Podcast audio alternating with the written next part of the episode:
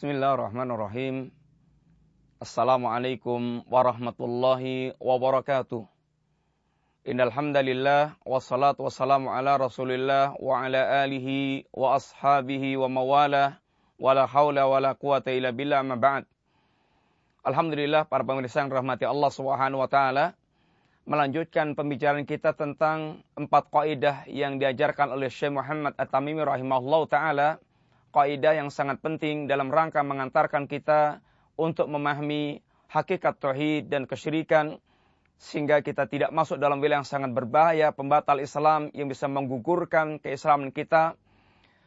Kita telah diantarkan oleh beliau tentang pentingnya kita mengenal hakikat tauhid dan syirik dalam mukadimah risalah singkat Al-Qawaidul Arba Empat kaidah yang beliau bawakan pada kita. Yang pertama Al-qaidatul ula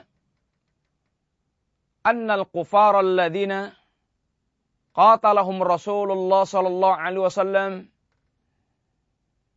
yuqirruna bi anna Allah wal khaliq al-mudabbir walam yadkhul walam yadkhul dzalika fil Islam. Sesungguhnya orang-orang kafir yang Rasulullah SAW memerangi mereka. Orang kafir Quraisy yang diperangi Rasulullah SAW. Mereka ini bukan orang ateis. Mereka bukan orang yang anti Tuhan, yang tidak mengenal Tuhan, yang tidak mengenal Allah Subhanahu wa taala sehingga mereka dikatakan kafir dan diperangi nabi. Akan tapi mereka adalah orang yang yuqirruna mereka adalah orang-orang menetapkan, meyakini dalam hati mereka bahwasanya Allah itu Al-Khaliq Al-Mudabbir, sang pencipta dan sang mengatur. Ini catatan penting. Akan tapi sekalipun mereka memiliki keyakinan yang demikian, mereka adalah orang yang lam yudkhil fil Islam, wadhalika lam yudkhil fil Islam, dengan keyakinannya itu dia belum dikatakan orang yang telah berislam. Bukan belum dikatakan orang telah bertauhid. Karena mereka adalah orang-orang yang masih dalam wilayah kekafiran karena kesyirikan mereka. Bukan karena mereka tidak mengenal Allah dan tidak mengakui Allah. Sehingga mereka orang yang kafir disebabkan syirik yang dia lakukan. Bukan karena tidak mengenal Allah Subhanahu maka mereka pun diperangi Rasulullah wasallam dan kenyataan masyarakat yang seperti ini seperti yang disebutkan Allah dalam ayatnya yang mulia yang beliau bawakan may yarzuqukum minas sama'i wal ardi. Siapakah yang telah mencurahkan rezeki kepada kalian dari langit dan dari bumi? Wa may yukhrijul hayya minal mayyit wa may yukhrijul mayyit minal hayy. Siapa pula yang mengeluarkan yang mati dari hidup yang yang hidup dari yang mati dan yang mati dari yang hidup. Wa mayudabbirul amra dan siapa pula yang mengurus seluruh urusan alam kehidupan ini. Allah mereka pasti akan mengatakan Allah Subhanahu wa taala. Qul afala tattaqun kalau demikian, kenapa kalian tidak bertakwa, ini tidak bertauhid kepada Allah Subhanahu wa taala? Para pemirsa yang rahmati Allah, Poin pertama ini sangat penting untuk kita perhatikan. Beliau ingin menegaskan kepada kita bahwa masyarakat kita ini masyarakat yang secara umum dia telah mengeklaim bertauhid, dia telah mengeklaim berketuhanan yang maha bertauhid. Dengan bermodalkan semata-mata keyakinan dia yakin Allah itu ada, Allah itu sang pencipta, Allah itu satu, tidak dua dan tidak tiga dan seterusnya keyakinan seperti ini kata beliau seperti keyakinan musyrikin Quraisy yang diperangi Rasulullah SAW dan mereka dikatakan kafir karena kesyirikan yang dia lakukan. Bukan karena dia orang yang ateis tidak mengenal Allah Subhanahu wa taala, tapi mereka orang memiliki keyakinan tentang Allah Subhanahu wa taala. Ini kaidah pertama yang perlu kita betul-betul fahami. Al-qaidatus tsani Al-qaidah tsaniyah, Kaidah yang kedua yang boleh ingatkan para kita adalah hakikat syirik yang menjadikan mereka diperangi Rasulullah Sallallahu Alaihi Wasallam. Dan ini yang diterangkan dalam pembatal Islam yang kedua. Annahum yaqulun, mereka mengatakan. Ini yang merupakan hakikat yang menjadikan mereka dikatakan musyrikin sehingga diperangi Rasulullah SAW. Ma da'awnahum wa tawajjahna ilaihim illa li talabil qurbah wa syafa'ah. Tidaklah kami berdoa kepada para sesembahan. Dan tidaklah kami menghadapkan hati kami kepada para sesembahan itu.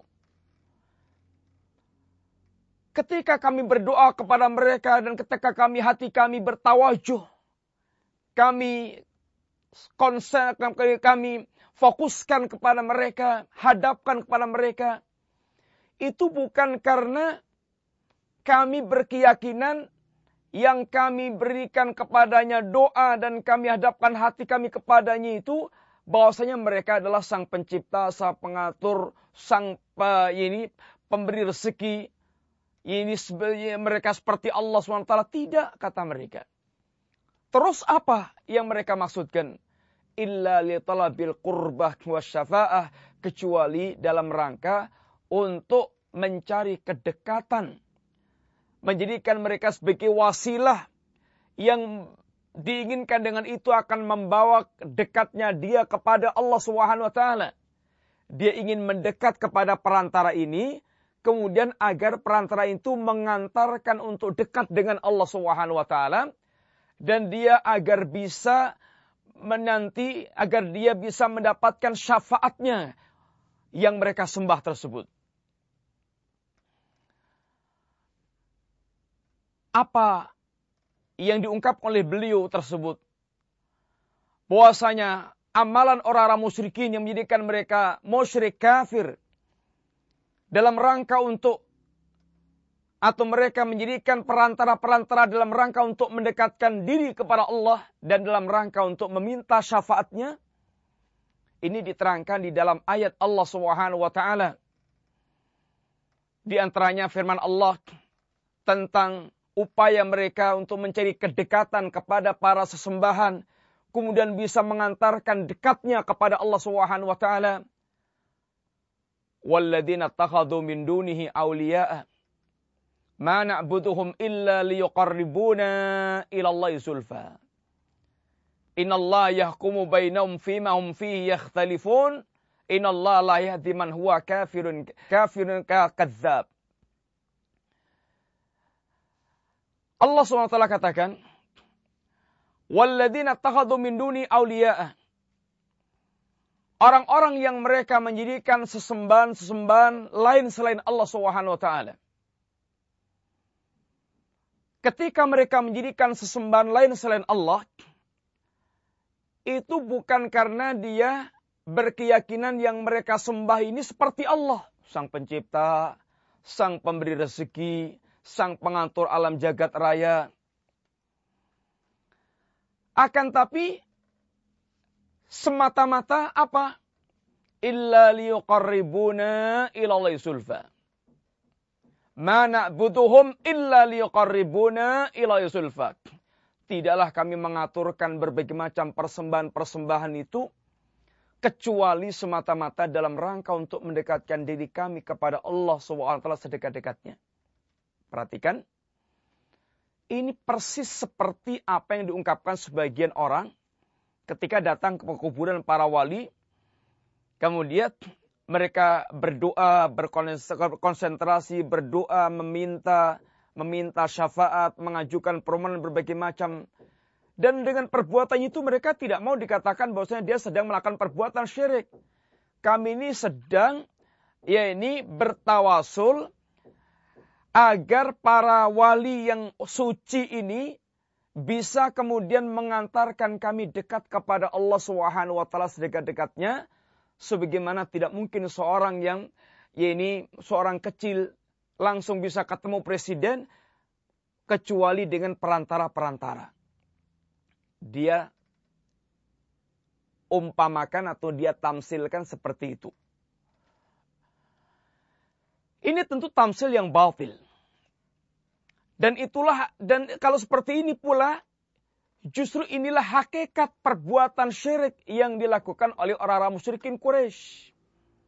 Persis seperti itu. Orang musyrikin Quraisy itu dia dikatakan musyrik bukan karena mengingkari Allah akan tapi karena mereka itu memiliki berbagai macam sesembahan-sembahan yang sembahnya itu dia yakini akan bisa mengantarkan kepada Allah sedekat-dekatnya. Inallah yahkum bainahum fima hum fi. Allah nanti akan menghukumi semua perbuatan mereka. Inallah la yahdi man huwa kadzibun kafar. Allah tidak memberikan petunjuk kepada orang yang kadzib dan kafir. Penutup ayat tersebut menegaskan bahwa mengangkat perantara dalam beribadah kepada Allah adalah perbuatan dusta mengada-adakan dan merupakan perbuatan kafir kekafiran yang mengeluarkan dari Islam karena merupakan perbuatan asyirkun akbar syirik yang besar. Ini hakikat yang perlu difahami setiap kita.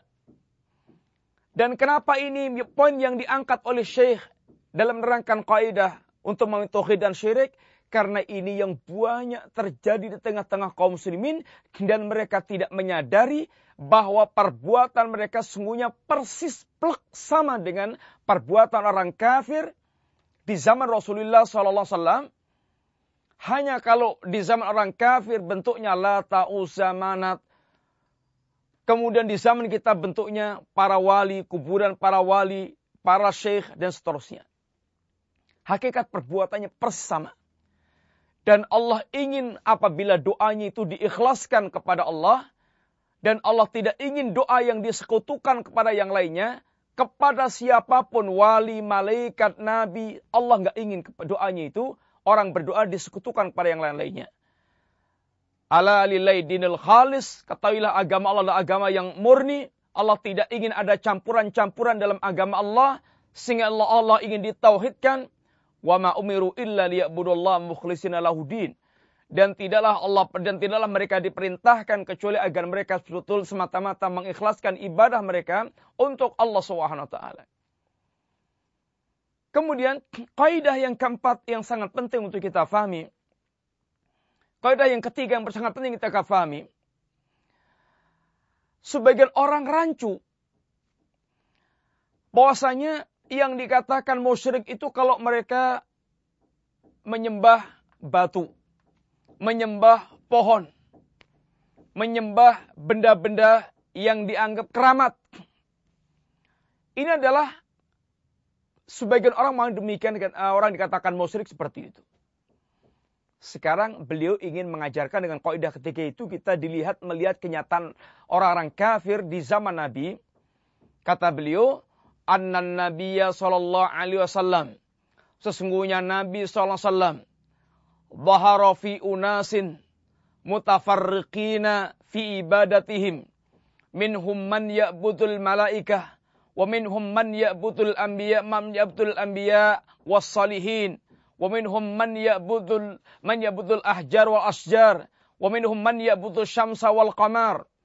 Ketahuilah kata beliau orang yang bingung dengan dengan hakikat syirik, di zaman Rasulullah SAW itu, Nabi hidup di tengah-tengah manusia yang penghambaan mereka itu beraneka macam bentuknya. Di antara mereka ada yang menyembah kepada malaikat, ada yang menyembah nabi dan wali, ada yang menyembah uh, ini batu dan pohon, ada yang menyembah matahari dan bulan. Sehingga semuanya itu macam-macam. Memang ada yang menyembah pohon ada. Yang menyembah batu ada. Tapi ada pula orang menyembah malaikat, menyembah nabi, menyembah wali, itu ada. Lalu beliau bawakan ayat-ayat yang sangat banyak. Ayat-ayat yang menunjukkan tentang orang-orang menyembah malaikat. Ayat yang menyembah orang menyembah nabi. Seperti ada orang menyembah Nabiullah Isa alaihissalatu wassalam. Ada orang menyembah orang-orang saleh seperti kaumnya Nabiullah Nuh. Yang ketika Allah katakan dalam ayat La tadarunna aliyatakum wala tadarunna waddan wala suwa'an wala yaghutha wa ya'uqa wa nasran.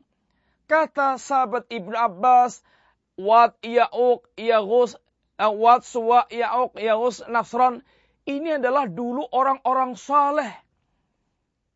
Sampai kemudian dengan proses yang sedemikian rupa, orang-orang saleh ini dipatungkan dan kemudian disembah. Artinya ada orang yang mereka menyembah orang saleh.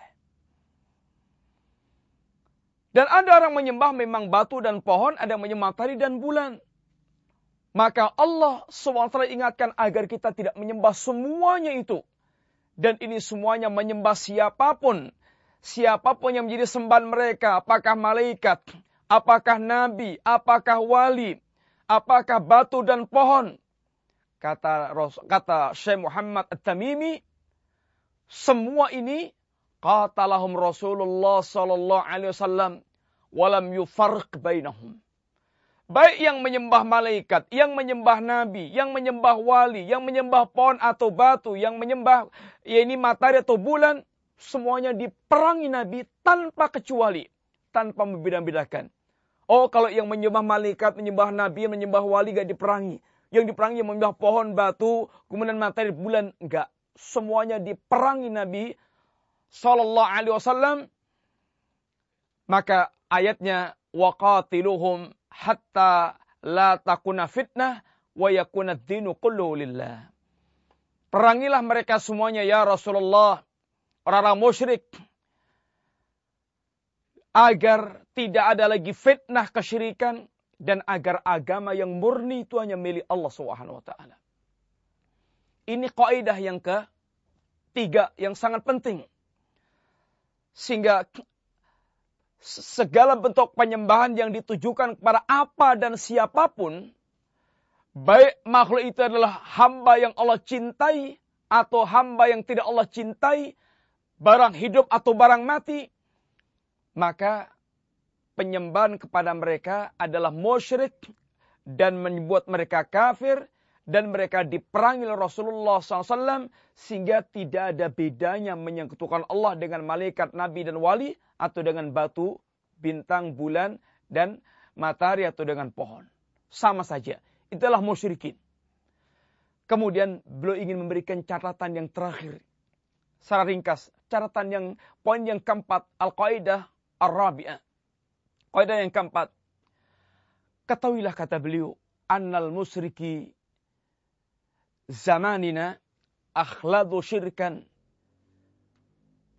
minal awwalin Sesungguhnya orang musyrik di zaman kita ini kata beliau lebih parah. Lebih parah dibandingkan dengan musyrik di zaman Rasulullah Shallallahu Alaihi Wasallam. Musyrik di zaman terdahulu. Kenapa? Karena musyrik di zaman kita ini kata beliau, musyrik di zaman Nabi, mereka ini yusrikuna fa innal awwalina yusrikuna fi syiddah yusrikuna firraha wa yukhlisuna fisidda. Musyrik zaman dulu itu syiriknya itu ketika mereka sedang lapang. Tapi ketika sedang terjepit, berlayar, dan mereka ditimpa bahaya, nggak ada yang dia nggak ada yang dia bayangkan bisa menyelamatkan kecuali Allah, mereka sempat mengikhlaskan doanya kepada Allah Subhanahu wa taala. Ini seperti dalam ayat Wa idza fil fulki da'awullah mukhlisina laudin. Apabila mereka itu sedang berlayar di lautan, kemudian ada ombak yang menggulung mereka sehingga mereka dalam bayang sangat besar, maka di saat itu mereka ini hanya mengikhlaskan doa mereka kepada Allah Subhanahu wa taala. Da'awullah mukhlisina laudin. Mereka berdoa kepada Allah dengan mengikhlaskan doanya itu. Falamma najam ilal bar idam yusyrikun. Tapi kalau sudah diselamatkan lagi oleh Allah di daratan, mereka kembali menyekutukan Allah Subhanahu wa taala. Sehingga ada saat mereka sempat mengikhlaskan doanya untuk Allah, ada saat mereka itu mereka kemudian kembali kepada menyekutukan Allah. Tapi kata beliau, wa musriku zamanina syirkuhum daim. Syiriknya orang sekarang itu sepanjang waktu. Baik dalam keadaan dia senang atau susah, dalam keadaan dia longgar atau terjepit. Bahkan semakin terjepit, semakin syiriknya itu semakin kental. Dalam keadaan biasa-biasa menjadi orang lalai, kafir, atau nggak kenal Allah. Tapi dalam terjepit, memperbesar sajen kepada Nyoro Kidul, kepada penunggu Gunung Merapi, kepada tempat-tempat keramat, kemudian tambah kental merdukunnya. Ini syiriknya itu tambah nemen. Ini empat kaidah penting yang perlu kita fahami. Yang mudah-mudahan dengan begitu kita pun akan semakin faham tentang bagaimana seharusnya kita mentauhidkan Allah Subhanahu wa taala dan jangan salah dalam hal tauhid syirik ini karena salah dalam ini fatal. Salah dalam ini sama dengan runtuhnya pondasi agama kita atau runtuhnya pondasi rumah sehingga akan menghancurkan semua bangunan yang ada di atasnya. Para pemirsa, mudah-mudahan empat kaidah yang singkat ini bisa memberikan tambahan ilmu kepada kita untuk lebih meyakinkan dan memahamkan kita bahayanya pembatal Islam yang pertama dan kedua yang sungguhnya keduanya merupakan perbuatan asyirku billah yang perlu kita betul-betul sangat waspada apalagi di zaman yang penuh dengan syubhat di mana syirik banyak didudupkan dengan oleh lembaga, oleh negara, didudupkan oleh orang-orang mereka memiliki pengaruh di masyarakat dan negeri kita negeri yang sangat terbuka sekali untuk hidupnya kesyirikan, maka waspadalah. Mudah-mudahan Allah memberikan taufik kepada kita untuk memiliki tauhid yang lurus dan benar dan betul-betul memahamkan kepada kita hakikat tauhid dan hakikat syirik sehingga Allah menyelamatkan kita dari jebakan-jebakan syirik yang sering orang tidak paham tentang perkara-perkara tersebut. Mudah-mudahan manfaat. Wassallallahu warahmatullahi wabarakatuh.